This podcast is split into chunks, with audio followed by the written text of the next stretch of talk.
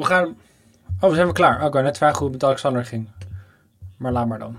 Nou, omdat de opname begint, wil je niet weten hoe het met me gaat. Lekker is dat. hey, moeten Ja. we het ook over mij dat, dat gebruiksaanwijzingsding hebben? hè? Die, eh, ja, ja. Heb je dat stuk gelezen in de Volkskrant? Ja dat, ja, dat is helemaal niet opgepikt weer. hè? Gelukkig- Hoezo niet opgepikt? Nou, ik, ik ging zoeken op Twitter wat mensen erover gingen zeggen. En ik zag nergens een mention van het hey stukje. Maar dat je wel, jij, jij las dat stuk en je dacht, dit gaat viraal. Dat is wat, je, dat is wat jouw aanname was. Of wat? Nee, ik dacht, ik dacht ah, het is kritiek op, een, op iets wat een vriend van mij doet. Dus ik wil weten wat de kritiek teweeg brengt. Ik was Ja, ja, ja, dat is lief. met, met mijn vriend Alexander. Ja, en toen was er doodse stilte. Ja, Wat twee dingen kan toch? betekenen. Het heeft eh, geen snaar geraakt of eh, no one gives a shit about mijn gebruiksaanwijzing. hoezo? Het is een super lekker frame voor Nederlanders. Wie denkt Alexander wel niet dat hij is? Ja, dat is waar. CEO. Dat is waar. Ja, we gaan het er zo over hebben. Dat loopt hoor. Ja, hij loopt. We, vi- we vinden dadelijk wel een natuurlijk inpuntje. Ja, dat is echt onze specialiteit. Hey, en eh, heb je mijn kijktip nog meegekregen? Heb je nog gekeken naar Succession? Ik heb zeker gekeken naar Succession. Ik ben bij aflevering eh vijf of zes of zo. Al ben je verslaafd? Het is fantastisch. Ik denk niet dat sinds, sinds House of Cards dat ik zo verslaafd ben geraakt aan een serie Ernst. Dus ik ben je zeer dankbaar. Lekker. En is toch fijn. Ik vond het wel een beetje grote verantwoordelijkheid om je een kijktip te geven. Maar blij dat het goed uitpakt. Wat vind je er zo leuk aan? Ehm, ergens dacht ik ook. Kijk, dit is natuurlijk. Dit, is- dit gaat over. Succession gaat over een, eh, over een eh, fa- familie. eh, waar aan het hoofd de basis van de. Dus de vader van de pater familias is ook de, de baas van, het, van een heel groot mediaconglomeraat. Een beetje à la Rupert Murdoch, zoals je vorige keer zei. En die rest van die familie is totaal dysfunctioneel. En eh, ik moet wel zeggen dat ik dacht... Ik vind het een heel mooi inkijkje in hoe het waarschijnlijk is... om super rijk te zijn in New York. Ja. En, en ook echt die hele boardroom eh, vibe. Die, die, die, die, die heftige House of Cards-heid, maar, dan in, maar dan in het bedrijfsleven. Grote Amerikaanse mediabedrijf. En ik, ik dacht vooral... Ik, ik denk dat ik ooit heb gedacht dat ik dat wel zou willen. En ik kijk Ja, ja, hiernaar en ik denk... Maar heb ik dan geen ambitie? Dus ik, ik, ik, ik kijk hiernaar en ik denk, dit is verschrikkelijk. En dan ga ik gelijk aan mezelf twijfelen. En dan denk ik, maar dit, is- dit is een soort van, ergens een soort van... Dit is waarschijnlijk hoe de meeste mensen nadenken over ultiem succes. eh, die in media werken en die aan de Mhm. uitgeverskant werken. Terwijl ik zit Ja, kijken. miljarden, miljoenen deals en alleen maar denken over hoe kunnen we nog machtiger worden met ons mediaconglomeraat. Ja, wie gaan we, nu gaan we die overnemen, dan gaan we die overnemen, dan gaan we die overnemen. En ondertussen probeert iedereen je te naaien. En, Die moet je helemaal kapot maken vervolgens, tot de grond afbranden ja, als en je dan, tegenstanders hebt. ja, en dan daarin staande blijven. Dat is dan het ding. En het voelt Ja. zo nihilistisch allemaal. En dat is natuurlijk ook het hele punt van die serie. En ik, ik vind dat het heel beklemmend... Ik vind het heel beklemmend eigenlijk. Het is heel chill om naar te kijken. Ik wil niet zeggen dat het niet leuk is om naar te kijken. Maar ik blijf altijd... Ik, dit is echt zo'n serie waar ik naar de aftiteling een beetje nog zit... Aan, die aftiteling zit aan te gapen aan het einde van, de, het einde van het uur. en je, je hartslag weer een beetje laten kalmeren. Want ja, die mensen zijn allemaal zo 24-7 gestrest. Ja. Allemaal slaaptekort en allemaal constant opgefokt over alles. Dat kan... eh, Kijk, de het is een beetje, klinkt een beetje moralistisch als je het zo samenvat. Maar voor mij is die grote les van die, van die serie dat... eh, als je op dat ontzettend hoge niveau zo eh, wil werken... dan kan het bijna niet anders zonder je gezin. Of in ieder geval je dierbaren te slachten. ja, alles gaat kapot. Ja. Maar vind je het niet afschrikwekkend? De, nou ja, dus nu, kun, nu kun je bijna geen, nee meer zeggen op die vraag. Maar vind je niet... Vind je niet herken je je niet in, in wat ik zeg? Ja, nee, absoluut. Ik, heb, ik, ik eh, denk er hetzelfde over als jou in negatieve zin. Dus ik eh, zou dit niet ambiëren. Tegelijkertijd, het heeft wel iets duaals, want ik krijg er ook wel weer energie van. Hmm. Vooral van die eerste aflevering, als je ziet wat die Logan, de, de, de hoofdpersoon, de, Ja, de dat eindbaas. Dat heeft, ja, wat hij heeft opgebouwd, dat is best, best tof om te zien. Ja. Hij heeft allemaal Eh, tv-stations en kranten. Het is echt à la Rupert Murdoch. Ja, en, het, en ik, misschien is het een soort reminder voor mij om op, op, alleen op de echt grote dingen van het bedrijf te richten. Op de echt op de, iets waar je als, als bestuurslid echt invloed op kan hebben. En niet op, de, niet op de kleine dingetjes. Dat het dan nog een soort reminder is voor mij. Een soort focus reminder. Maar verder zou deze serie me geen energie moeten geven. Want het is een enorm deprimerende serie over de Ja. beroepsgroep waar wij zitten. Maar het doet het wel. Ik luister naar die soundtrack als ik een plan moet schrijven of zo. maar hoe komt het, waar krijg je dan precies energie van? Is dat een soort van toch de, de New Yorkse hard werken romantiek? Of waar, waar Mm. krijg je die, waar, waarom, waardoor aan die serie krijg je die energie? Ik denk het, het gewoon het grote gebaar in hun werk. Dus Hmm. ze zijn alleen maar bezig met de echt grote lijnen. En met de strategie. En volgens mij, voor mij is het in ieder geval een valkuil in mijn werk dat ik me af en toe verlies in de details. Hm. Ehm, Ja, ja. En dit is een soort reminder aan van ja, nee, je moet alleen maar kijken naar waar wil je heen met je bedrijf? Hoe kan je het, hoe kan je het vergroten? Hoe kan je het beter maken? En in die zin haal ik er denk ik energie uit. Ja, deze vent gaat dan even bellen met de president van Amerika en zo. Dat als Er zijn nog wat verschillen. Ja.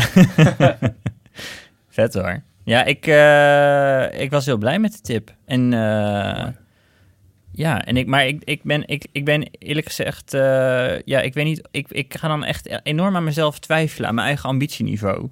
En waar ik, waar, dat ik ga heroverwegen waar ik eigenlijk blij van word. Dat weet ik gewoon niet zo goed.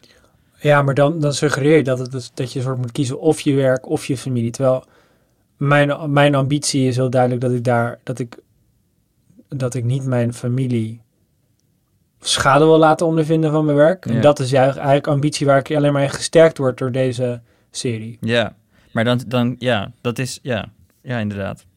Ja, waarschijnlijk is het waar. Waarschijnlijk is ook iedere grote, al die CEO's, eh, in, ook in Nederland, van hele grote, misschien wel beursgenoteerde bedrijven. En eh, waarschijnlijk is het echt zo dat het gewoon een monomaan, zeer eenzaam eh, bestaan is, waarin familie gewoon een totaal, zeg maar, heel ver weg in de schaduw staat.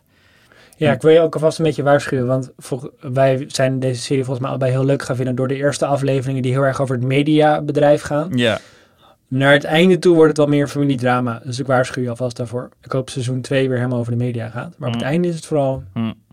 familiegebeuren. Mm. Dat weet je al alvast. ja. Ik heb echt al drie bruggetjes in mijn hoofd gehad tijdens het gesprek, naar volgende gespreksonderwerp op ons lijstje. Zegt dat iets over je staat van zijn, Ernst? Dat ik heel associatief ben? Ja. Nou ja, en ook Misschien. gewoon de, de drukte in je hoofd. Hoe gaat het met Ja. de Corrie in Amerika? Orde, orde is nu heel belangrijk voor mij, dus daar wil ik eerst even de tune horen, zodat we dat gehad hebben. en dan kan ik daarna verder praten.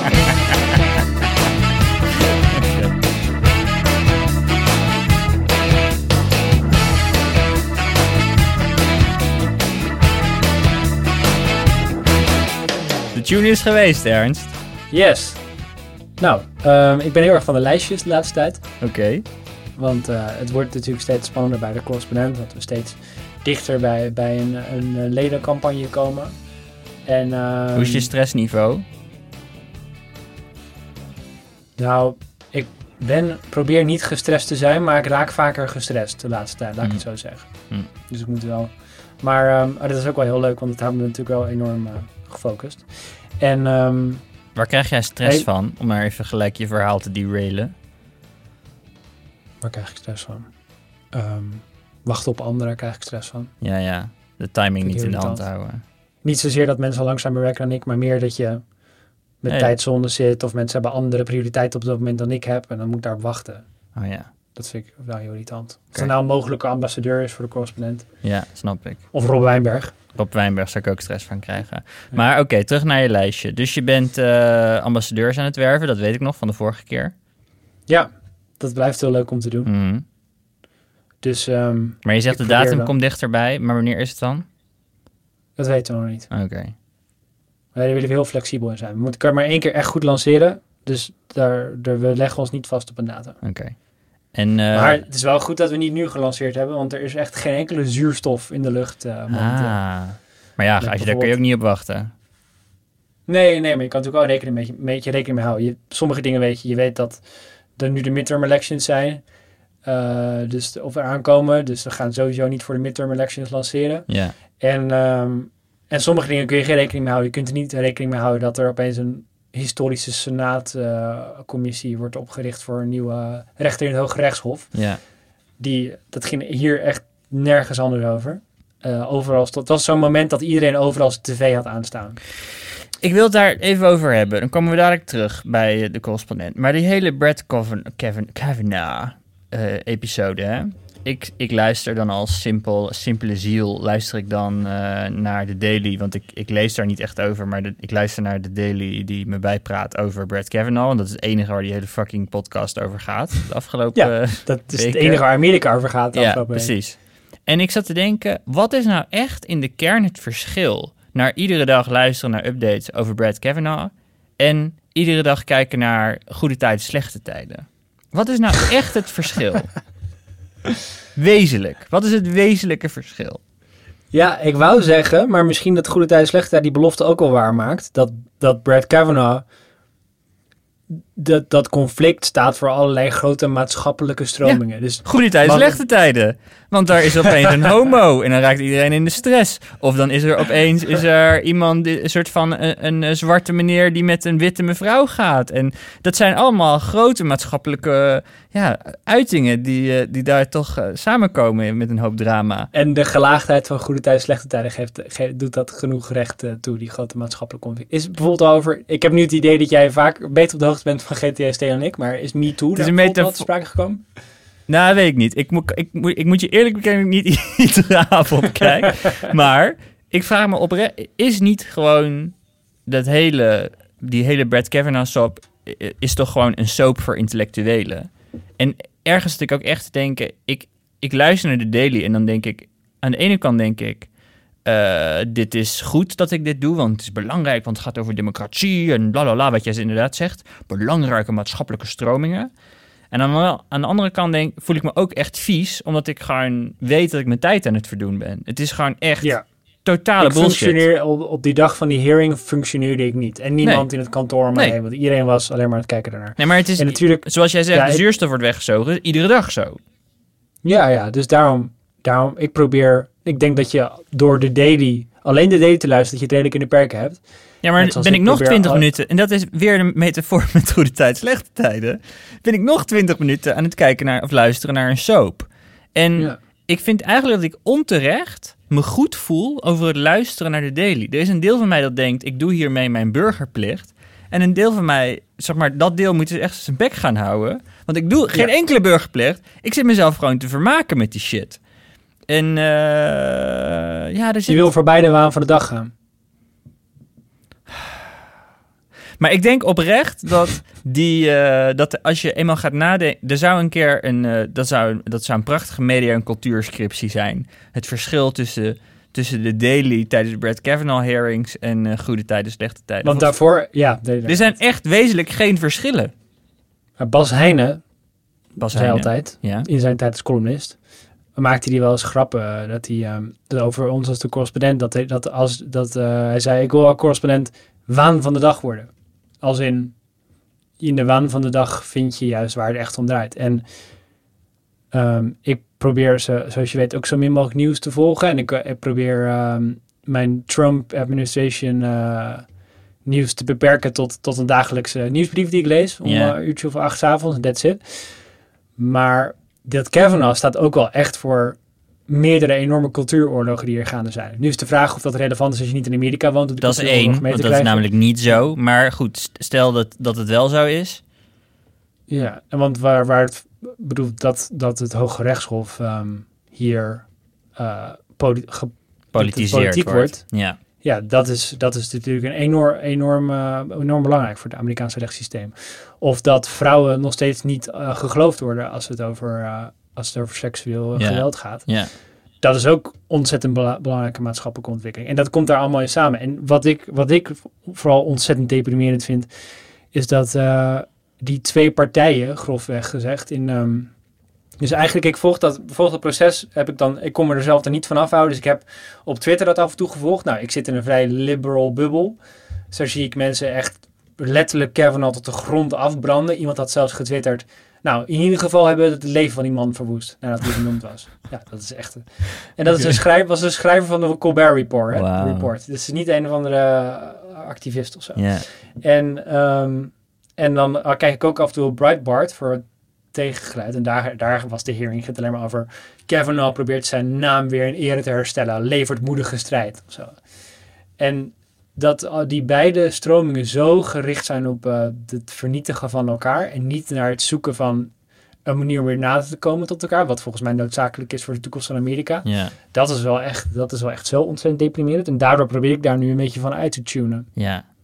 In ieder geval niet in mee te gaan. Ik las een fantastische eh, column van die Margaret Sullivan. Wat is zij bij de Washington Post? Zij is de, ze is de ombudsman, toch? Ze was de ombudsman bij de New York Times. Oh. En nu is ze de mediacolumnist bij de Washington Ah, oké. Had je die column gelezen over global warming? Ja. Dat vond ik echt een fantastisch stuk. Zij schrijft Ja. daarin over dat VN-rapport wat is uitgekomen... over dat we over tien jaar allemaal fucked zijn. En eh, dat, dat, dat er eigenlijk geen enkele reden is voor journalisten... om dat niet bovenaan de pagina te zetten.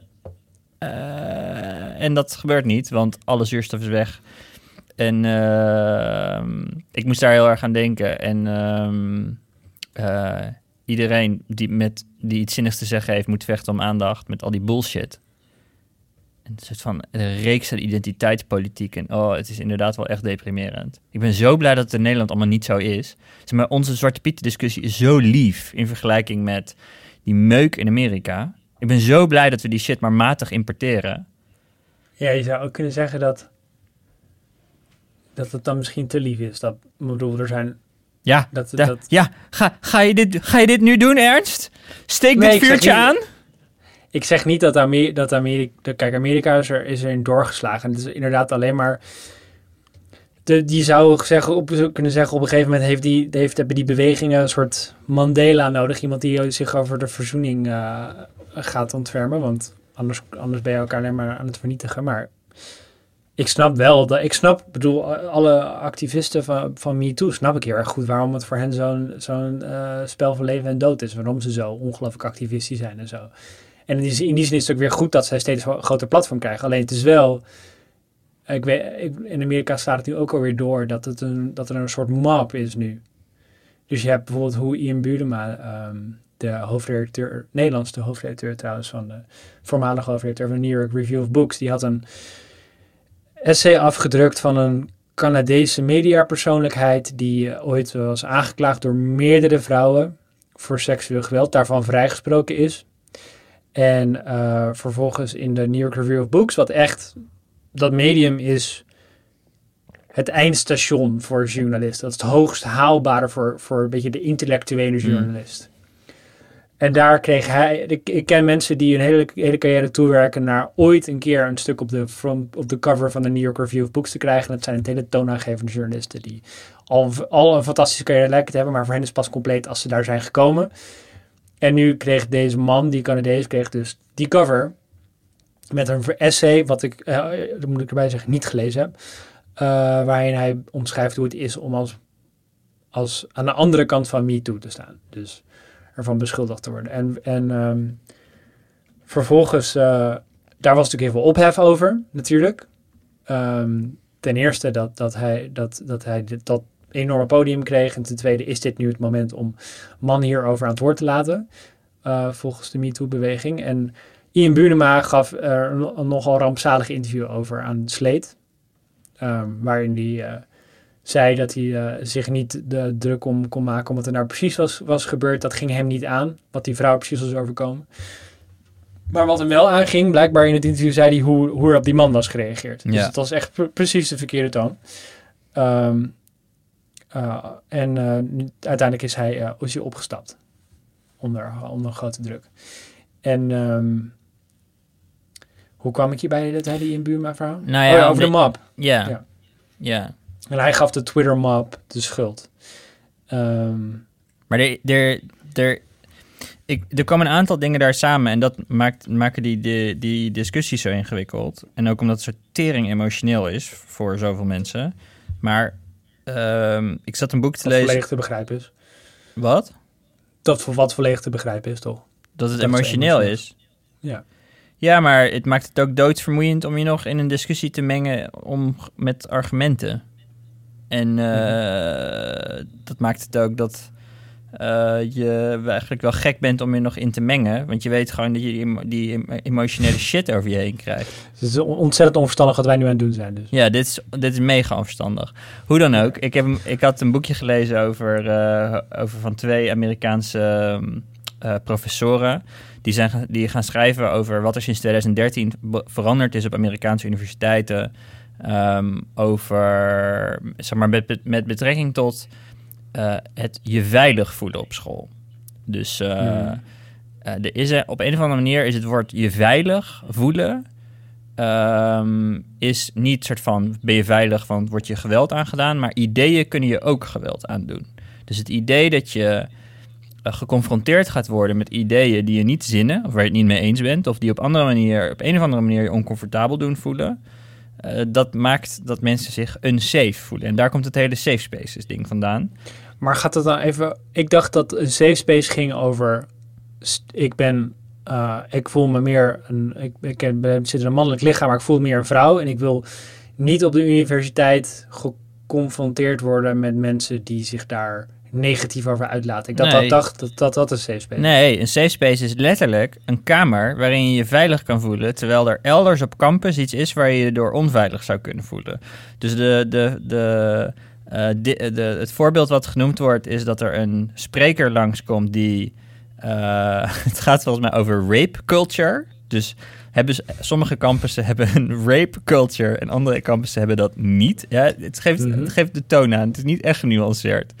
En eh, dan was er een, eh, iemand die kwam zeggen dat het eigenlijk heel slecht is om over rape culture te praten, omdat je daarmee eigenlijk het debat eh, moeilijker maakt om te voeren. Lekker meta, lekker meta. En dat werd, alleen dat al werd gezien als een soort van aanval op mensen die nou, aan de andere kant staan in dat ideologische debat. En eh, dan kun je dus je terugtrekken in een safe space. En dat is letterlijk een kamer waarin je afgeleid kan worden met knuffels en eh, eh, spelletjes en donzige, andere donzigheid. Zodat je je niet druk hoeft te maken over dat debat wat elders plaatsvindt. Dat is een safe space, Ernst.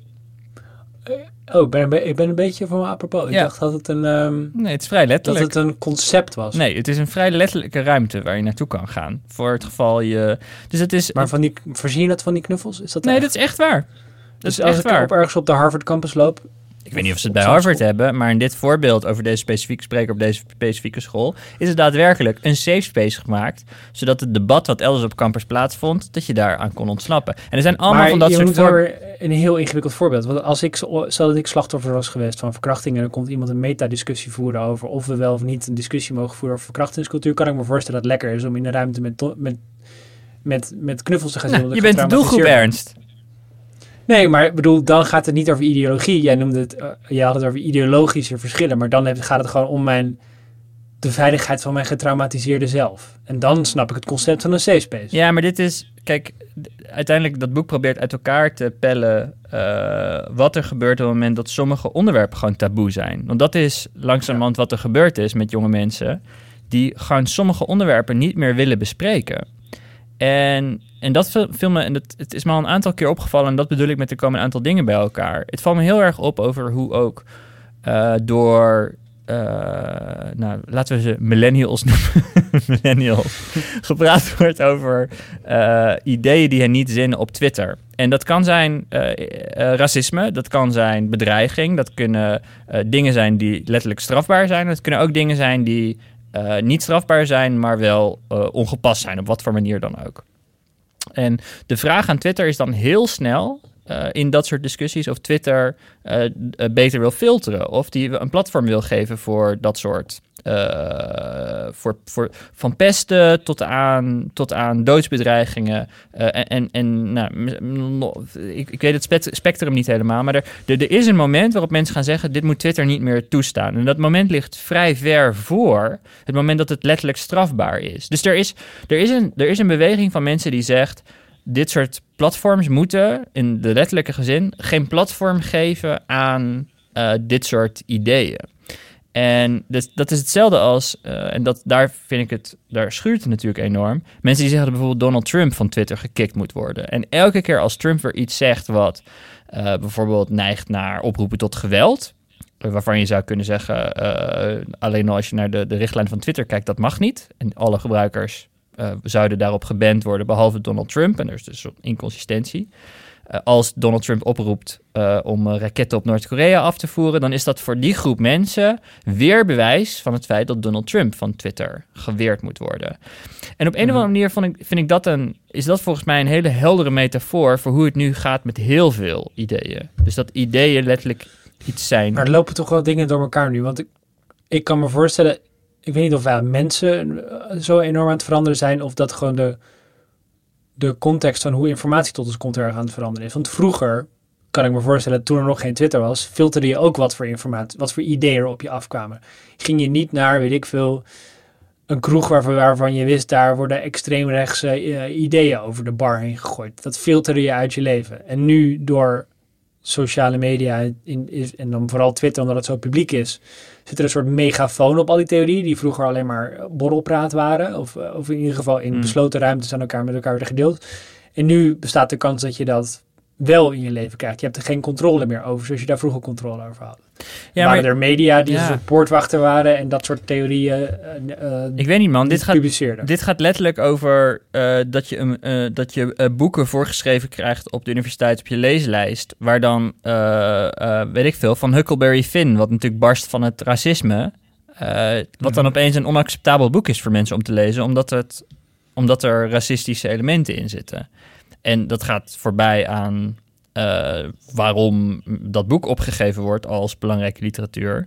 Um, maar puur om alleen om het feit dat er racisme in voorkomt, maakt dat het boek uh, verbannen wordt uit ja, de leeslijst. Dat, daar ben ik natuurlijk niet mee eens. Ik vind, bedoel, ik vind het vooruitgang als je erbij gaat vertellen waarom het racistisch is. Als dat vroeger niet gebeurde en nu wel, vind ik dat vooruitgang. Maar niet als je het hele boek band. Maar dat is dus langzaam de tendens. En ik, mhm. als jij zegt, uh, het komt het komt makkelijker op je af nu. Ik vraag me eigenlijk af in hoeverre dat, in hoeverre dat echt zo is. Dat is best een interessante vraag.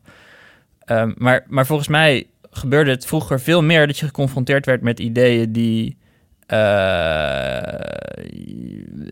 waar, je, waar je het niet mee eens was, maar waar je op een gegeven moment wel van jezelf kon. Weet je, of, of je nou naar politici aan het luisteren was waar je het niet mee eens was, of uh, voor je leeslijstboeken moest lezen, of uh, weet ik veel, in de krant dingen tegenkwam.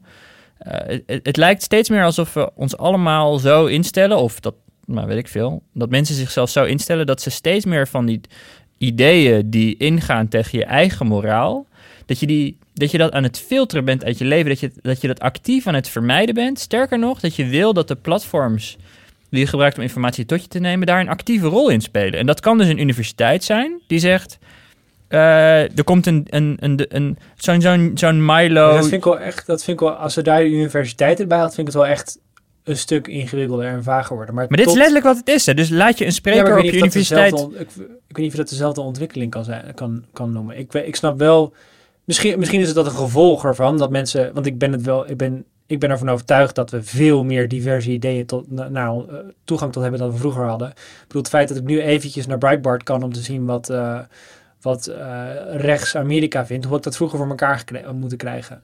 Dat, dat, dat was veel ingewikkelder geweest mhm. om zo'n geluid te horen. En nu kan ik, krijg ik dat allemaal over me heen uh, en kan ik dat ook allemaal opzoeken als ik dat wil.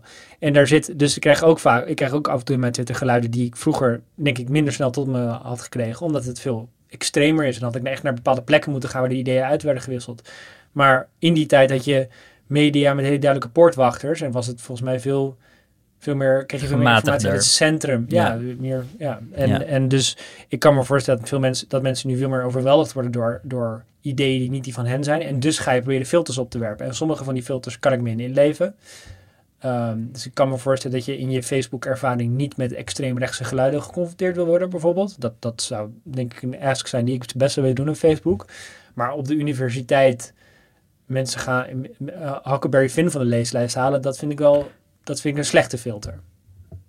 Ja. Dus ik, weet niet of je, ik weet niet of je het allemaal als een geheel kan beoordelen. Of dat, dat je eerder moet kijken... Maar wat bedoel je precies met extreme rechtse ideeën dan? Want als dat...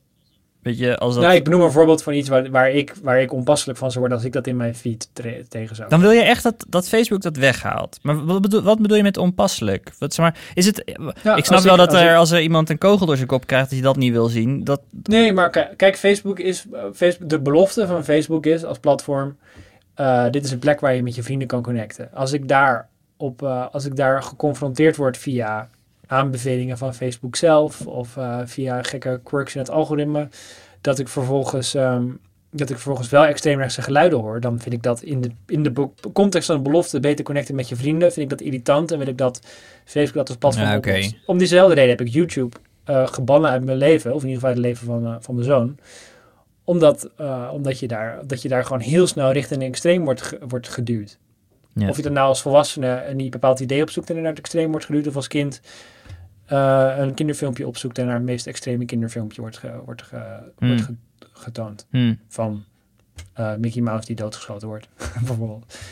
Eh, dus dan filter ik bij deze YouTube uit, uit mijn leven totdat zij fixen dat ik niet met een soort extreem idee word geconfronteerd. Maar, ik ik vind vind- ik een ik ander vind- verhaal. Ja, het is een, ik vind het een enge geleidelijke schaal hoor. En ik, ik merk dat ik, best wel, dat ik daar best wel radicaal van word. En dat ik ook... Want ik, Maar er is toch een verschil tussen tools die mij persoonlijk moeten informeren en waar ik controle over wil hebben. Net zoals ik vroeger een krant kon opzeggen als ik het niet mee eens was. En, en plekken die, eh, die... Kijk, als mensen zouden zeggen tegen de New York Times... ik wil dat je bepaalde ideeën gaat filteren, vind ik het alweer ingewikkeld. Want de belofte van de New York Times is heel erg is totaal anders dan de belofte van Facebook bijvoorbeeld. ja, Dat is namelijk, willen je zo goed mogelijk informeren in de wereld. En daar, af en toe passen daar gelui- geluiden of ideeën bij die voor jou ingewikkeld zijn. Maar we verwachten dat je dat, eh, dat je dat aan kunt. En we zullen ze zo zorgvuldig mogelijk, mogelijk en zo onderbouwd mogelijk tot je overbrengen. Maar dat vind ik wel iets anders dan dat ik van Facebook vraag van wil je alsjeblieft die extreemrechtse gek niet meer aan me voorschotelen. Want daar heb ik echt geen zin in. ja. Ja, ik vind het een... eh, ik denk echt niet dat ik het met je eens ben. Ik vind het ook een hele ingewikkelde geleidende schaal over wanneer je... Wanneer eh, ten eerste of Facebook een platform is voor je vrienden... of dat het een nieuwsite is. Want ik denk dat voor een hele grote groep mensen dat het het laatste is. En eh, dat hele idee dat je alles tot in nuances kan instellen... waar je niet mee geconfronteerd wil worden... wat je allemaal letterlijk weg kan filteren... vind ik... Volgens mij, die platforms bieden ook die tools aan... omdat mensen het vragen steeds meer. En, ehm, Maar dat is toch niks nieuws, het menselijk gedrag, dat je informatie filtert die tot je komt. Nou ja, natuurlijk. En natuurlijk filter je informatie, maar dat je expliciet bezig bent met... ik wil dit soort ideeën niet meer horen. Ik wil niet meer horen wat Popje X zegt of wat Stroming, Stroming Y zegt. Ik wil het Zwarte Piet debat verbannen uit mijn, uit mijn leven. Ik wil... la, later lag ik zo'n voorbeeld van een gast die was, een van de extreemrechtse gast die was geïnterviewd in de Volkskrant, waar mensen echt panisch over werden. En het is, bedoel, het is een, fucking vervelende vent. En bedoel, ik lees niet dat stuk en denk, nou, goed geredeneerd, jongen, top. Maar ik ben heel blij dat de Volkskrant een podium of een platform geeft aan dat soort mensen. Ja, natuurlijk. ik- Maar dat vind ik wel weer een verschil. Want ik vind volk, de Volkskrant, vind ik dat onderdeel zijn van de, van de missie van de Volkskrant. Ja, maar er is dus een. Oké, maar dan schrijf Facebook even opzij, op, opzij. Er is een stroming die letterlijk zegt: de Volkskrant moet dat soort dingen niet publiceren. Universiteiten moeten sprekers niet toelaten die ideeën hebben die. Dus bijvoorbeeld Thierry Baudet niet toelaten op universiteit om te spreken of anywhere te laten spreken. Mhm. Er zijn echt mensen die vinden dat hij niet moet kunnen spreken op plekken. Ja, dus om een voorbeeld te noemen, ja, dat is misschien een goed voorbeeld. De New Yorker heeft elk jaar een festival. Dat is een enorm Ja, festival. Steve waarbij hele Bannon. Grote, ja, waar hele grote namen worden uitgenodigd. en Hetzelfde dit ding. jaar hadden ze Steve Bannon uitgenodigd. En tegenover de beste journalist van Amerika gezet, David Remnick. Ehm, en toen gingen allerlei mensen zich terugtrekken. De les die ik daaruit leer, dus toen gingen de sprekers zich terugtrekken en mensen wilden, gingen een abonnement opzeggen en Steve Bannon werd afgezegd. Ja. Ehm, ik was het niet eens met die. En oh ja, het argument van mensen is: je legitimeert hiermee extreem rechts. Ja. Eh, Steve Bannon heeft geen enkele invloed, dus je moet hem niet dat podium bieden. En als je dat wel doet, legitimeer je hem. ja. Toen ik daar. Ik, wat, de les die ik daaruit trek, want die ik trouwens ook trek uit het, uit het verhaal Ian Buurma, is dat als je dit doet, als je mensen in dit, in dit heftige politieke klimaat wil voorschotelen aan, of wil kennis laten maken met dit soort ideeën en ze beter wil laten begrijpen en ze misschien ook tegenstand wil bieden, dan moet je dat ontzettend zorgvuldig doen. En dan, dan geloof ik best dat het kan. Ik bedoel, bij de correspondents hebben we heel vaak geluiden die heel veel leden niet aanspreken, maar proberen dat super zorgvuldig te brengen.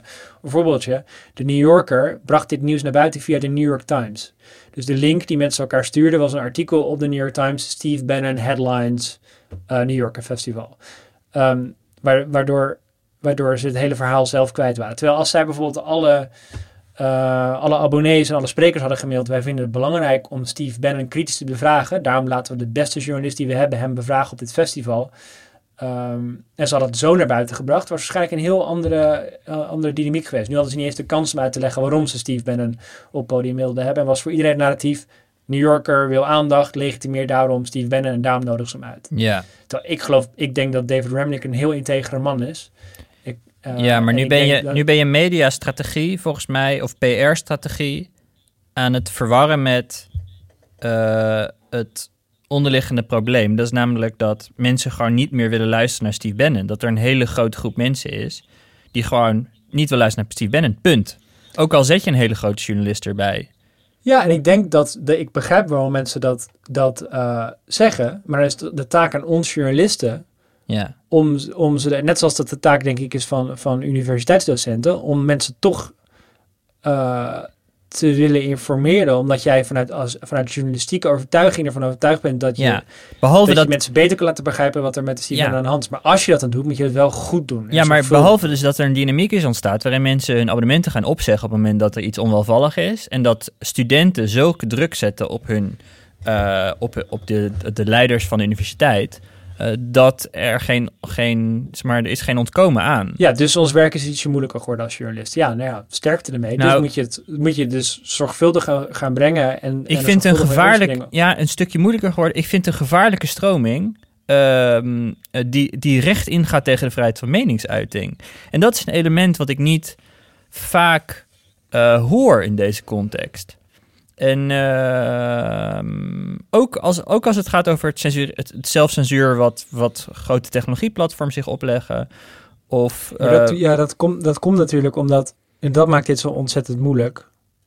Omdat die mensen die daar, die daar zo vocaal over zijn... zijn mensen die of generaties... als ze generaties teruggaan in, dat, in hun familie... onderdrukt zijn door... door eh, door een eh, witte meerderheid. Dus dan weet ik veel, nog grootouders hadden die niet eh, op, eh, in dezelfde op plekken de bus mochten gaan zitten. Of die baan niet kregen. Of die niet mochten wonen in bepaalde buurten. Omdat zwarte mensen daar niet welkom waren. En die, hebben, die krijgen nu steeds meer een stem. En eh, als dan vervolgens de. Als daar vervolgens de oude machthebbers of de huidige machthebbers weer tegen ingaan, dan gaan ze alleen maar harder roepen. En daar krijg je deze cultuur van. Net zoals dat ehm, eh, vrouwen die slachtoffer zijn geworden van seksueel geweld allemaal tegen het geloofwaardigheidsprobleem oplopen. Dat ze niet geloofd worden. En als dat dan weer naar, boven, naar voren wordt gebracht, bijvoorbeeld door de New York Review of Books, dat ze daar ongelooflijk ehm, eh, emotioneel en activistisch op Ja, maar reageren. vrijheid van menings- hun perspectief. Vrijheid van meningsuiting is toch heilig? Dit is toch geen. Dit is, zeg maar, dat, dat overtreft toch letterlijk alles? Dat is. Het gaat er niet om dat ik het met je eens ben. Maar het gaat erom dat je het moet kunnen zeggen. Ja, en ik denk En dus ik vind dat het- echt- dat echt- ik geloof ook in de vrijheid van meningsuiting. Ik denk alleen dat, dat het dus in die discussies iets meer van je vraagt als journalist of universiteitsdocent om, om dat goed te brengen, juist omdat het zo emotioneel is. Ja, nee, dat is een feit. Dat het, eh, dat het, dat het werk moeilijker is geworden. Maar ja, dus ik ga dan, ik ga bijvoorbeeld dan nu niet, ik ga niet meer energie nu richten op, goh, wat is die mop vocaal, maar meer van, wat kan ik daar vanuit mijn rol als journalist aan doen en wel mensen dus bloot blijven stellen aan Ja. aan ideeën. En ik, natuurlijk maak ik me zorgen om die mop. En stel je voor dat, eh, dat er eh, je- over iedereen kan nu een oneerlijke beschuldiging, be- beschuldiging van seksueel geweld opgeroepen worden. En, en, eh, en dan, dan is de mop er eerder bij dan dat iemand zich kan verweren. Nou ja, als je aan de MeToo-activisten dat voorlegt, zeggen ze ja, dat is collateral damage. Onze zaak is belangrijker. En Ja. jammer dat, dat er een paar mannen nu een keer last van hebben. Wij vrouwen hebben veel meer last van jullie. ja. Nou, hebben we dat ook weer gehad. Ik ben kapot. ik ga een dutje doen. Ik vind het echt een heel Ehm, vet onderwerp. Ja, vind het wel eng om het erover... Ik vind dus, dat is wel interessant. Uh, nog even meta. Ik vind het dus ook eng om het erover te hebben. Dus dat is ter, volledig ter ondersteuning voor wat jij net zei. Ja, moet je je voorstellen hoe het is om politicus te zijn. Gewoon, Ja, weet je, ik... eh, af en toe eh lul ik een beetje over tech op tv... en dan eh, krijg je af en toe wat mensen die erover zeiken. Maar eh, als ik met mensen praat die wel eens technisch... of die wel eens politieke uitingen doen op tv... en kijken wat voor bagger die mensen over zich heen krijgen... Of überhaupt mensen die zich politiek überhaupt politiek uitlaten. Dat is gewoon ja, eh, een eh, hele makkelijke manier om je eigen leven moeilijk te maken. En eh, dat Mhm. doen wij nu. Ja. nou, top. Leuk man. Heb je nog een veilig onderwerp op het lijstje staan? Google Event. Doe je ding. Heb je het gevolgd, Ernst? Nee. Het was net, hè? In jouw stad. Ah. Het is godverdomme waarschijnlijk 10 minuten in de metro voor jou. En, maar goed. Eh, ik heb wel eh, het Google schandaal meegekregen gisteren. Ja, ja, ja, het Google-schandaal. Ja. Ja. Google Plus. Goed gecommuniceerd is dat, hè? Dus dan hebben ze al die tijd hebben ze tegen Google Plus opgepijpt tegenover Facebook. Dat het toch echt wel een waardige concurrent was van Facebook. Ik spreek nu, wat is het? 2000, waar zullen we het over hebben? 2012 of zo. En eh, nu gisteren in dat persbericht gingen ze expliciet zeggen eh, hoe weinig mensen Google Plus gebruikt. Ja. dus ja, de informatie... 90% van de sessies was korter dan 5 Ja, seconden. of precies. zo, precies. Dat was opeens een, eh, dat was een, een feitje wat ze al heel lang klaar hadden liggen voor deze dag waarop ze naar buiten kwamen met dit datalek. Oh, wat geweldig. Dat je gewoon negatieve informatie over jezelf hebt klaarleggen om het nog negatievere ding te compenseren. Ik vind het mooi hoe PR werkt. Ik kan gewoon van genieten. Ja, nee, maar daar ging de kino niet gebeurd? over. Nee, dus een nieuw telefoontje, een nieuw eh, Pixel, Ernst. Mhm. En eh, die kan dus een nieuw ding. Dat vond ik echt wel eens wel grappig. Dus er is een telefoonnummer wat je belt, wat je niet kent. Dan kun je opnemen of weigeren. Dat kan nu. Of, je, of een sms'je sturen. Maar Mhm. een nieuwe functie van dat ding is dat je de telefoon, de telefoon kan laten opnemen. Dus die zegt dan, dit is de telefoon van Ersham Fout. Mag ik vragen waar het over gaat? En dan gaat die persoon aan de andere kant van de lijn gaat praten.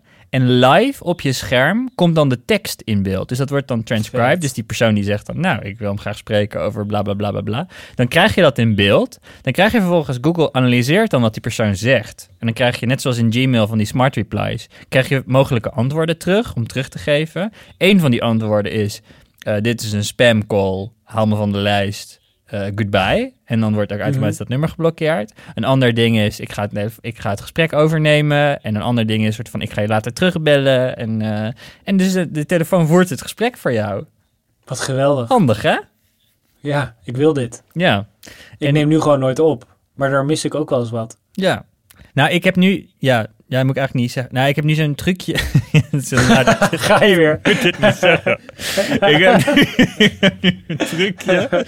Ja, kijk, ik wil, dat, ik, ben, ik wil ook de telefoon niet opnemen. Ik vind dat gewoon, ik vind dat gewoon naar, de telefoon opnemen. Dat vind ik eng. Ja. Dan moet ik met mensen bellen praten. nooit. Daar, ja, daar, ik, Ah. wij bellen, zelfs wij bellen nooit. Dus ik wil dat al helemaal niet met mensen die ik niet ken. En eh, dus dan zie ik een nummer wat mij niet belt. En dan, ik, je kunt dan van die sms'jes terugsturen, toch? Dat automatisch, zoals van ik bel je later of whatever. Maar die kun je ook aanpassen. Dus ik heb nu een berichtje ingestuurd. eh, en de tekst is, ik heb je het nummer niet in mijn telefoon staan. Waar gaat het, waar wil je, wa- wat is de reden van het gesprek? Waar kan ik je mee helpen? Vraagteken. En Ja. daarachter heb ik tussen haakjes gezet. Dat is heel erg. Dit is een automatisch bericht. Ik, want ik dacht, het is zo onaardig. Als ik gewoon mensen die ik niet ken niet te woord wil staan. Dus ik heb net gedaan als een computer was. Anyway, het werkt wel echt goed. Want dan zeggen mensen gewoon keurig in, in eh, sms waar het over gaat. En meestal gaat het over shit die je niet wil. Je bank die iets wil of whatever. En eh, ja, dit is mijn, eh, dat is mijn manier. Maar het is een beetje low-tech. Google heeft een high-tech versie van gemaakt. Maar dit is, wat, Ja. dit is echt gewoon de, het nerd eh, sociaal, antisociaal contact ding in praktijk. En daar dan allemaal oplossingen voor verzinnen die normale mensen natuurlijk niet hebben. Nee, het is niet nerd antisociaal. Het is gewoon mensen beschermen tegen irritante salesgesprekken. Ja, je kan Het maar- grote kapitaal tegen het grote kapitaal. Oh ja, ja, ja, ja, ja, ja, ja. Ja, nou ja. Je wordt hier echt, in, ik denk dat in de VS ben je gewoon minder goed beschermd. Dan heb je niet iets zoals bel me niet register. ja. Eh, voor zover ik weet althans. Jij wordt ook de hele dag gebeld. door Wordt de telemarketeers. hele dag kapot. Echt waar? En dan staat er, ja, en T-Mobile doet al, ik zit bij T-Mobile en die heeft dan al zo'n service dat ze bijvoorbeeld scam likely in je beeld zetten. Oh, wauw. Of commercial call, of het bedrijf, de naam van het bedrijf. Hmm. Ehm, Meen je en dan wat je nou? hebt is dat... eh, ja, Jij wordt echt veel gebeld. Vijf keer per dag. Nee. En dat je ook heb je ehm, Hoe kan dat? mensen heel veel van nummers wisselen hier. Dus dat je, staat in heel veel lijsten. Hé, maar Nou, waarom gebeurt dit in Nederland dan niet? Heb, heb- zijn wij beter beschermd door de wet? Of wat, wat, wat maakt dat in... Natuurlijk, dat is bijna altijd het antwoord. Wauw. Lang leven Nederland. Maar nee, het heeft denk ik ook mee te maken dat, ik, eh, dat, je, dat je hier veel meer simkaartjes worden uitgewisseld en zo. Dus ik heb, ik heb, we staan waarschijnlijk, ik word eh, ook door heel vaak door mensen gebeld die denken dat ze iemand anders spreken krijgen. Hmm. Gek. Ja, en je wordt dus heel veel door robots gebeld in de VS. Oh, ja. Nou ja, zoals die Google-telefoon. Dat is ook een robot ja, natuurlijk. Dus eigenlijk stuur je gewoon de robot op de robot af. Ja, laat dus die je, maar... hello, dit is een automated message from your credit card, bla bla bla. En dan kunnen die gewoon lekker met elkaar, ah, top. Ik Ja. gebruik die eh, smart replies, gebruik ik trouwens al. Dat is ook wel fijn voor mij als niet-native speaker, dat ik dan weet dat ik de meest gangbare uitdrukkingen gebruik. Zoals Ook wat? in, in, nou, een e-mail heb je nu toch, ik eh, gebruik het al eh, op de- in de app van Gmail. Ja, Dus dat je kan zeggen, eh, sound good, bla bla bla, Ja. Sweden. Dan weet ik, nou, blijkbaar zeggen Amerikanen tegen elkaar, ga ik daarvoor. ja. Ehm, maar je hebt het nu ook in je Gmail dat je Smart Compose hebt. En dan krijg je dus, de dan ben je aan het typen en dan krijg je suggesties voor hoe je zinnen moet worden afgemaakt. Ja, En dan hoef je alleen maar op tab te drukken en dan wordt het, dat is volgens mij sinds een weekje of zo hebben ze dat. ja, Ik ben er dus heel blij mee, want dan weet ik altijd, ik gebruik het meest gangbare Amerikaanse taalgebruik. ja, ja, ja, ja. Maar hoe, dan, dan zeg je, ik, ik wil graag afspreken eh, en dan kan, vult hij in welke dag je dat wil. Of wat is de... Ja, als ik doe by, tik ik dan, eh, ik wil met je af, of ik wil stuur je dat by, dus voor, en dan zegt hij by the end of next week of zo. Ah. En dan weet ik zeker dat ik niet met een soort Dunglish, eh, Ja, ja, ja, Eh, ja. When the weekends. I uh, to you uh, when the weekends. Dat heb ik dan niet. Dan heb ik gewoon by the end of the week. ja. Dat soort kleine dingetjes. Of als ik best doe, dat ik dan best wishes. denk ik, nou oké, prima. Dat zal gangbaar zijn. Ik ga voor best wishes. Grappig. Ik moet wel denken aan... ehm, ik, had mijn, eh, ik had mijn persoonlijke gebruiksaanwijzing geschreven, zoals je weet. Ja, dat, eh, dat is een heel goed bruggetje. Mm, en er was een, eh, er was een journalist. Geloof ik? Het was een journalist, toch? Daniel Hoog. Daniel Nee, een- Hooghiemstra.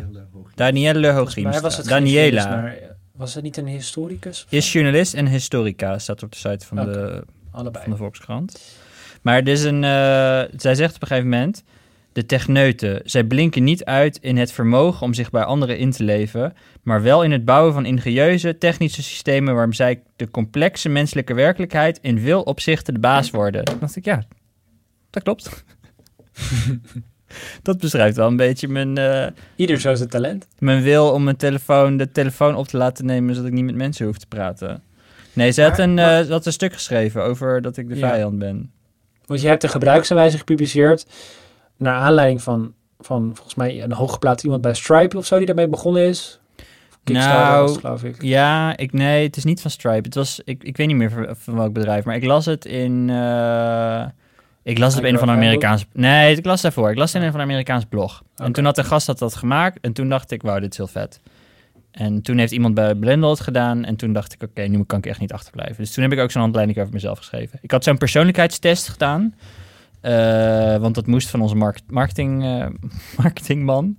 en eh, toen had ik dat gedaan en dat, dat, toen las ik allemaal dingen over mezelf. Toen dacht ik, oh ja, eigenlijk kan ik deze dingen samenvoegen, want dat helpt het heel erg. Als ik mensen, als ik mensen met mij zitten in een meeting zit, één op één of zo, en ik, Ja. ik ben typisch Alexander Klupping gedrag aan het vertonen, dan is het fijn dat die mensen weten, oh, dit doet hij niet alleen bij mij, dit doet hij bij iedereen. Eh, ik hoef me niet druk te maken, want hij doet dit. Of, eh, Ja, ik ga er even uit, uit, eh, uit citeren. Dat, is, dat is wel zo prettig voor de luisteraar. mm. Dus ik heb gegoogeld op user guide Alexander Klupping en dan krijg ik hem meteen te pakken. Je hebt hem in het Engels geschreven, omdat het natuurlijk een Engelstalig bedrijf is, Blendel. En er staat er this guide. Nou, dan zeg je waarom je dit hebt geschreven. En dat je inderdaad de Big Five personality test hebt gedaan. Ja. En dan begint het met times I like to work. I start my days late. Mondays after at 10, etc. On the weekend and during holidays I rarely work. Nou, dat is- vind ik heel knap. Goed van je. Goed hè? I work home from I work from home on Tuesdays. Ja. Dan best ways to communicate with me. Wel, dit is nog straightforward van times I like to work. En je zou kunnen zeggen, volgens mij was er kritiek van, die, van, van de historicus een beetje dat je, dat je alle- alleen jij dit kunt veroorloven om zo te zeggen. Dat de normale medewerker niet kan zeggen, eh, ik minder snel kan zeggen, ik werk dit weekend niet. Kan wel hoor. Ja, in, ik, mijn man dus dan, zodra de baas dat begint te zeggen, dan zijn, voelen mensen zich ook eerder geneigd om dat te durven zeggen. Dus Ja. Dan zet je de cultuur, maar goed. Eh, en dan eh, best way to communicate with me. Nou, we, doe je e-mail gebruik je voor work stuff. En dan staat er hoe je ge-e-mailed wil worden. I don't need acknowledgements of emails like got it or on it. Ja, dat haat ik dus. Dat, dat als je dan iets stuurt, zo van, eh, dat mensen vragen hoe laat kan je, dan zeg ik nou om acht uur. Dat, dat mensen dan gaan terugmailen met oké. Dat vind ik heel Ja. irritant. Oké. nou, dan allemaal eh, dingen hoe Maar je net zoiets, meetings ik ziet. vind maar aanhef... volgens, Ja, sorry, ga je gang. volgens mij wordt het, eh, het wordt wat interessanter voor, voor de columnist bij My Character. Hmm. En dan is er een lijst dat je extrovert bent, risk-taker, optimistic. En dan Koppig, dominant, I'm sceptisch. stubborn, dominant, harsh, skeptical en competitive. Ja. Blunt. Ja, zij citeert, ik ben niet goed in het begrijpen en uitdrukken van mijn eigen emoties. Ik verander vaak van mening, ben niet flexibel, zachtaardig of geduldig. Ik heb dagen waar ik nogal gedeprimeerd ben en liever niet uit mijn bed kom. Ik ben helaas niet erg beleefd. Dat is de Wat ik wel interessant vind is, als je het in het Nederland, naar het Nederlands vertaalt, klinkt Nog het erger. veel erger. Ja. Ja, Want je bent van Amerikanen gewoon gewend dat ze zo over zichzelf praten. En Vanuit die techcultuur inderdaad. ja. Um, I'm not very good at voicing and truly understanding my own emotions. Dat klinkt toch een stuk eufemistisch. Ja, maar ik probeer dus daadwerkelijk me soort van nederig op te stellen daar. Of eh, eerlijk op te stellen. Of eh, Mhm. ja, een soort van kwetsbaar. Dat is het woord dat ik zocht. Kwetsbaar op te stellen. Ja, dat nou, er zitten dingen in waar die ik, die ik graag tien jaar geleden had gelezen. Over mij. Uh, Ja, Hmm. I will happily. So I don't avoid discussions. On the contrary, I will happily sacrifice peace and harmony to make a point or get things done. Ja, Uh, dat was niet degene die ik bedoel. eh, volgens mij heb je ergens dat je, dat, ook, dat je daar ook van geniet om de discussie te voeren. Terwijl ik ben meer een conflictvermijdend persoon. ja. En eh, nou ja, Nee, discussies zijn voor mij... kapot na een biertje met jou. Ja, maar discussies zijn voor mij de manier om een mening te vormen. Dus dat gaat niet helemaal alleen over wat, of wat ik vind. Want vaak vind ik er eigenlijk niet eens Oh ja, en ik, zie, ik vind het nu, ja. Ik, vind- ik, vind- ik vind het onder How to Deal With Me, artikel 1a. I gen- generally enjoy discussions, even when things get heated. It's the way I form opinions and ideas. That's why I don't take disagreements personal. I merely see it as a way to evolve ideas and opinions. It's a positive for me if a heated discussion led to a change in one of us. Maar dat is dus een probleem voor veel mensen. Want die denken dat als ik zou gaan discussiëren dat ik boos op ze ben. Of dat er... ik moest er ook even aan wennen, ja. Ja, En ja, maar dat is dus... Dat is, en dat is niet mijn intentie. Maar tegelijkertijd, dit is ook geen vrijbrief voor mij om me te gedragen als een debiel. Want dat is volgens mij een beetje wat die mevrouw in de Volkskrant eh, zo het interpreteerde. Ze van ja, dit, hij geeft zichzelf eigenlijk een soort vrijbrief om, om dat bizarre gedrag van hem te vertonen. En dat ja, je hoeft je niet meer druk te maken om zelfbeheersing. Volgens mij is dat de kop toch ook zelfbeheersing? Ja, weet ik niet meer. Maar, maar dus eigenlijk ze van ja, als je met mij wil dealen, dan moet je dat ding lezen en heb je je maar aan te passen. Maar dat is natuurlijk niet het punt. Het punt, het, het punt is dat we allemaal bepaalde karaktertrekken hebben en dat je je best doet om die te onderdrukken, maar dat dat niet altijd Ja. lukt. En eh, daarnaast dat, dat, dat sommige situaties die, die neutraal zijn, verschillende emotionele interpretaties van beide kanten kunnen hebben. En als je dat expliciteert, hoe een neutrale situatie emotioneel voor jou geladen is met bewustzijn dat het voor andere mensen anders kan zijn. Zoals als ik heel heftig met je ga discussiëren, ben ik niet boos op je. Dan ben ik gewoon bezig met een mening uit, uit elkaar proberen te trekken. En eh, eh, nou ja, goed. Eh, dan kun je rekening houden met elkaar. En dat is makkelijker Mhm. als je weet wat, wat elkaars gebruiksaanwijzing is. Dat betekent dat eigenlijk zou het dus heel chill zijn als iedereen dat zou doen. Want in die, in die column wordt het punt gemaakt dat alleen jij dit kunt doen, toch? Want jij bent de baas, jij bent de, de, de, de technologie-nerd. Dus het is ook een soort privilege volgens mij. Heb maakt je die column nou bij de hand? Ja, ik kan niet voorbij de, voorbij de betaalmuur. Ik kan natuurlijk in Blender kijken. We zijn, wie- ja, volgens mij, ja, nee, ik, ik, ik de kop is, eh, gunt alleen Alexander Kluppingen om zichzelf Ja, te zijn. Dus daar verwacht zit hij dat de mensen in zijn omgeving ook allemaal persoonlijke gebruiksaanwijzingen gaan schrijven en wil hij vervolgens samen met hen gaan bespreken hoe zij hun gebruiksaanwijzingen beter op elkaar kunnen afstemmen. Als het het geval is, zou het schrijven van een gebruiksaanwijzing net zo goed achterwege gelaten kunnen worden. Het plooit zich immers vanzelf. Of ja, misschien, dat vind ik dus een beetje gelul. ja, dat vind ik ook gelul. Of is het misschien zo Daar dat heb je helemaal geen tijd voor. Of een bedrijf aan het leiden. Ja, of is het misschien zo dat Clipping zichzelf de vrijheid gunt om, dat, om te zijn wie hij is, maar verwacht hij van anderen dat zij zich beheersen? Dat is dus niet zo. Maar Klupping zegt nee. Oké. ja, maar eh, ik vond wel eh, gaaf dat dit eh, tot de opiniepagina van de Volkskrant leidt, Ernst. Daar, daar- Nou, het is, een enorm, het is een enorme kentening, Alexander. Want ik, de laatste zin van de column, en dit is een historicus die het schrijft. Ze zegt, de afgelopen 450 jaar hebben wij ons geoefend in zelfbeheersing. Maar die tijd lijkt nu voorbij. We zijn in de de, de tijdperk staan. van de post-zelfbeheersing. mooi hoor. maar, maar is, het niet het, is het niet het punt dat, dat, ehm, dat je het natuurlijk hebt alleen over de context van bedrijven. En een bedrijf is erop gericht om met elkaar zo efficiënt mogelijk aan een doel te werken. En daar helpt dit bij. Het is niet zo dat je dit nee, van ik doe je... het niet voor mijn vrienden. Nee, hoewel ik achteraf misschien best blij mee was geweest. Maar in principe doe je het niet voor je vrienden. En het lijkt me ook eigenlijk heel leuk om dat met vrienden te doen. Een beetje de, de zwaktes van je eigen karakter eh, blootleggen en daarover praten. Ja, ja, je kan wachten tot dat vanzelf gebeurt, maar het lijkt me best leuk. Het zou het enig vinden om dit van jou te, te lezen, Ernst. Oké, dan ga ik er eentje schrijven voor je. Ja. Ik, ga hem alleen, ik, zou, hem- ik zou hem alleen niet online zetten als jij hebt gedaan. Nee, het Waarom voelt, het voelt ook een beetje exhibitionistisch. En het voelt ook eh, heel raar. En ik weet ook dat het verkeerd geïnterpreteerd kan worden door mensen. Dus het is aan alle kanten gevaarlijk. Nee, maar dat is nog wel meta. Maar het is, ook, het is gewoon zo ongelooflijk persoonlijk. Dat, Ja. ik bedoel, je hebt Nee, ergens, daar begint het ergens mee, staan, de grootste doelen in mijn leven. En dan gaat het over... Nou ja, het is Ja. best wel... eh, Nee, klopt. Eh, maar ik dacht, eh, ik heb daadwerkelijk het idee dat als andere mensen dit in bedrijven zouden doen, dat dingen soepeler zouden gaan. En eh, ja, dan moet je een voorbeeld hebben. En ik heb ook een voorbeeld kunnen volgen. Dus dan denk ik, dan moet ik dat ook doen. Zo simpel als dat. Oké. Nou, ik ga ook een gebruikswijze schrijven. Dankjewel. Ga gedaan, Ernst. hey, trouwens, dit, dit soort ideeën komen allemaal tot jou via, via Rick Pastoor, hè? Ja, ja Rick, is, De- Rick is mijn geestelijk leider. Binnenbaas van Blendel. En die heeft nu... We hebben samen zijn uh, boek geblurpt, zag ik. We zijn geblurpt allebei. Rick heeft een boek. Rick is onze productiviteitsgoeroe bij Blendel. Dus die. Ja, eh, dit- wat? nou, normaal maken we, worden we betaald om reclame te maken, maar dit is, dit is gewoon Nee, dit, dit krijgen we geen geld voor. Maar Check- Rick, checkgrip. Rick Pastoor is, de, is hoofdproduct bij Blendel. En eh, die is binnen Blendel de productiviteitsgoeroe. Dus als mensen willen weten hoe je eigenlijk een meeting moet doen... of hoe je je week inplant... of hoe je bepaalt waar je mee begint en waar je mee eindigt in je dag... of hoe je je e-mail eigenlijk moet doen... of gewoon al die praktische dingen over hoe je moet werken...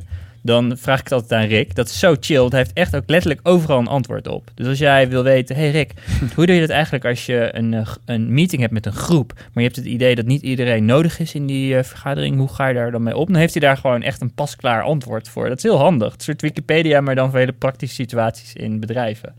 En, die eh, kennis heeft hij nu in een boek gebundeld. ja, dus hij heeft gewoon... Hij, hij zegt eigenlijk... mensen hebben nooit leren werken... Mhm. Wat best wel een grappige constatering is, want dat is zo. Je hebt nooit leren plannen of hoe je je Google Calendar eigenlijk moet gebruiken. Of hoe je eh, ervoor zorgt dat je de tijd die je nodig hebt aan executie kan scheiden van de tijd die je nodig hebt om na te denken of om creatief te zijn. Of alle andere elementen die je nodig hebt in- om je werk om in het eind van de week goed te voelen over jezelf.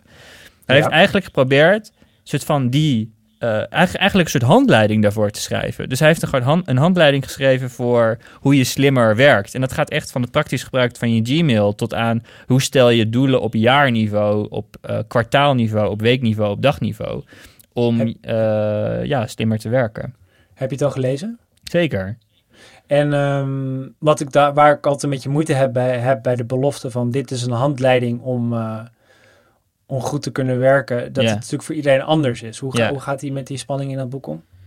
Ja, ik, het is zijn manier van werken. En eh, ik denk dat wat zijn manier van werken is, zal je niet 100% overnemen als een soort mal in je leven. Maar ik realiseer me gewoon hoeveel kleine dingetjes erin staan die ik heb overgenomen. Dus bijvoorbeeld dat hij, op een gegeven moment zegt hij, als je eh, aan het afspreken bent met iemand en je eh, zegt tegen een ander, stuur maar een invite.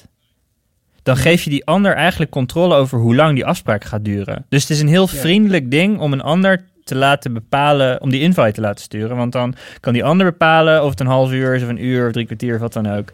Dus dat het een, een geste eigenlijk is.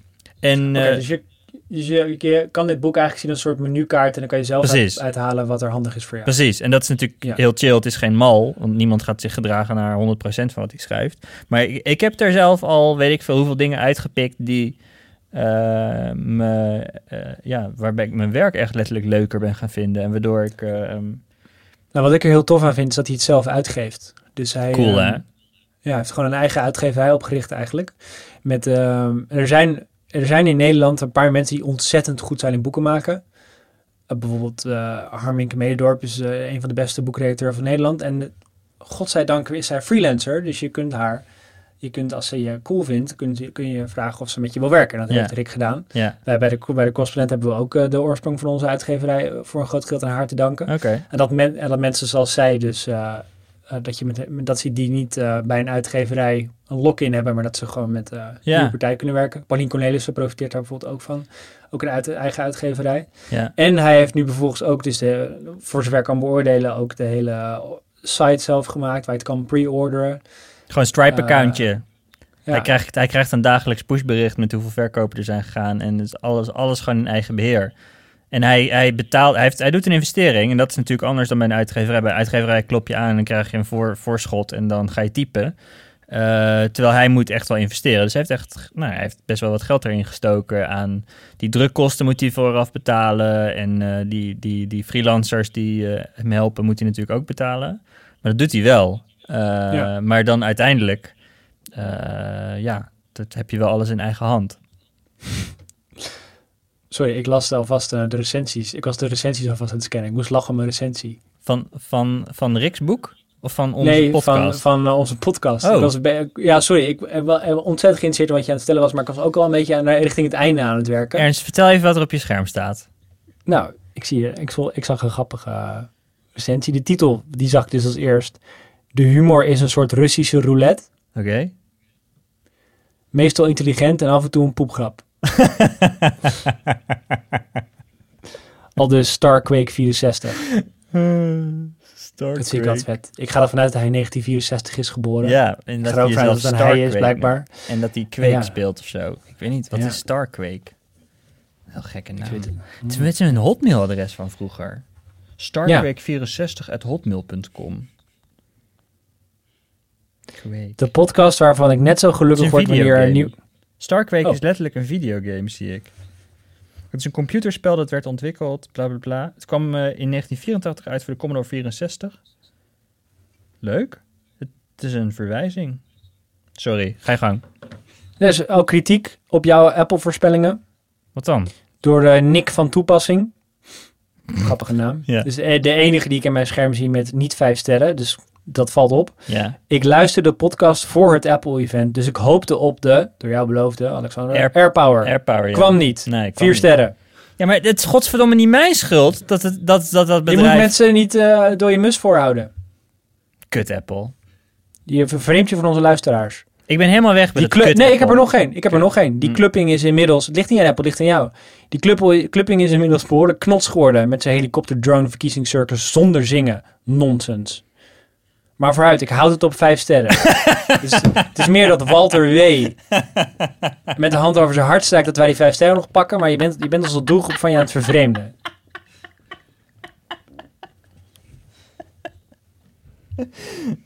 Heel vet. Oké, Dat is heel grappig. dit was het. Maar dat klinkt niet, naar, dat is eh, niet eh, bijzonder positief. Ik, ik heb met Nee, mijn- dat komt door jou.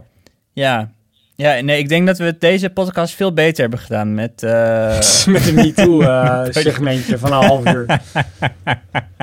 Waar wij als twee witte, geprivilegeerde mannen even onze mening ja, moeten we dat erbij top. zeggen? Is dit wat je erbij moet zeggen? Dat is een belangrijke context. Om je oké te voelen, om je oké... oh, dit is echt erg. Dat je, dat, je, dat, je, dat je vindt dat je dat erbij moet zeggen, vind ik zo'n knieval, Ernst. Nou, ik ben er Het is niet dat wij niet op argumenten kunnen discussiëren. Dit is het hele punt. van. Nee, en maar dat jij zo'n van voetnootje nu... eigen- nee, dat jij nu zo'n voetnootje erbij pl- plaatst, erger ik me dood aan. Het is prima mogelijk voor twee op, volwassen eh, mensen... Nee, Oh, je- oh, oh, natuurlijk. oh, oh. Maar je moet je wel bewust zijn van waar je vandaan komt. Ja, En dat is in- Natuurlijk en ben ik me je- daar bewust En ik van. zeg dat niet als een soort disclaimer. Ik zeg het meer om te laten zien dat ik me er bewust van ben. En Ja. dat komt denk ik te goede aan een discussie. Waarom komt dat de discussie ten goede? Want er zit namelijk... Omdat je dan laat zien waar, dat je je bewust bent van je, van je bias Het of is van bijna je een soort- privilege. Ja, maar het is Het is bijna een soort autoriteitsargument. Jij denkt van- dat ik het als een soort excuses gebruik, maar ik gebruik het als een soort context bij het gesprek. En Nee, maar mij het is- komt het een gesprek alleen maar ten goede. Ja, nee, ik, ik, heb, ik heb het idee dat het inmiddels, deze hele voetnoot, is bijna iets verwoorden. Zo van, laten we zo lang mogelijk een disclaimer van tevoren inbouwen. Dan kan ik laten zien hoe, hoe woke ik ben. En dan heb ik, de, heb ik sowieso vijf punten voor in de discussie op alle andere mensen die niet zo woke zijn als ik. Nou, Het dat is gewoon- verkeerd. Het is diezelfde... nee, dat is, niet, dat is niet wat ik bedoel. Ik bedoel het als in dat je ik vind het wel goed dat je je in een gesprek laat zien dat je je bewust bent van je eigen biases. En het is niet om het dan mijzelf uh, om mijn schouder ervoor te kloppen. Het is meer te laten zien van zo, ik, ik weet dat dit, dit speelt. Dus ik ben ook heel benieuwd hoe jij er vanuit je andere perspectief over nadenkt. En het is niet om op te scheppen hoe woke ik ben, want dat, dat nee. Daar zou ik er beter niet eens over kunnen gaan beginnen. Want al door het erover hebben, kan je, schiet je jezelf alleen al in de voet. Je bent wel meer woke dan ik, dat is één ding wat zeker is. Het is geen wedstrijdje, Alexander. Oké, Ernst. Het was, een, uh, het was een zware kluif, deze podcast. Ja. Ik uh, ben benieuwd naar de, naar de reacties. Laat ja. het weten via een iTunes review of um, bel Alexander. Dag.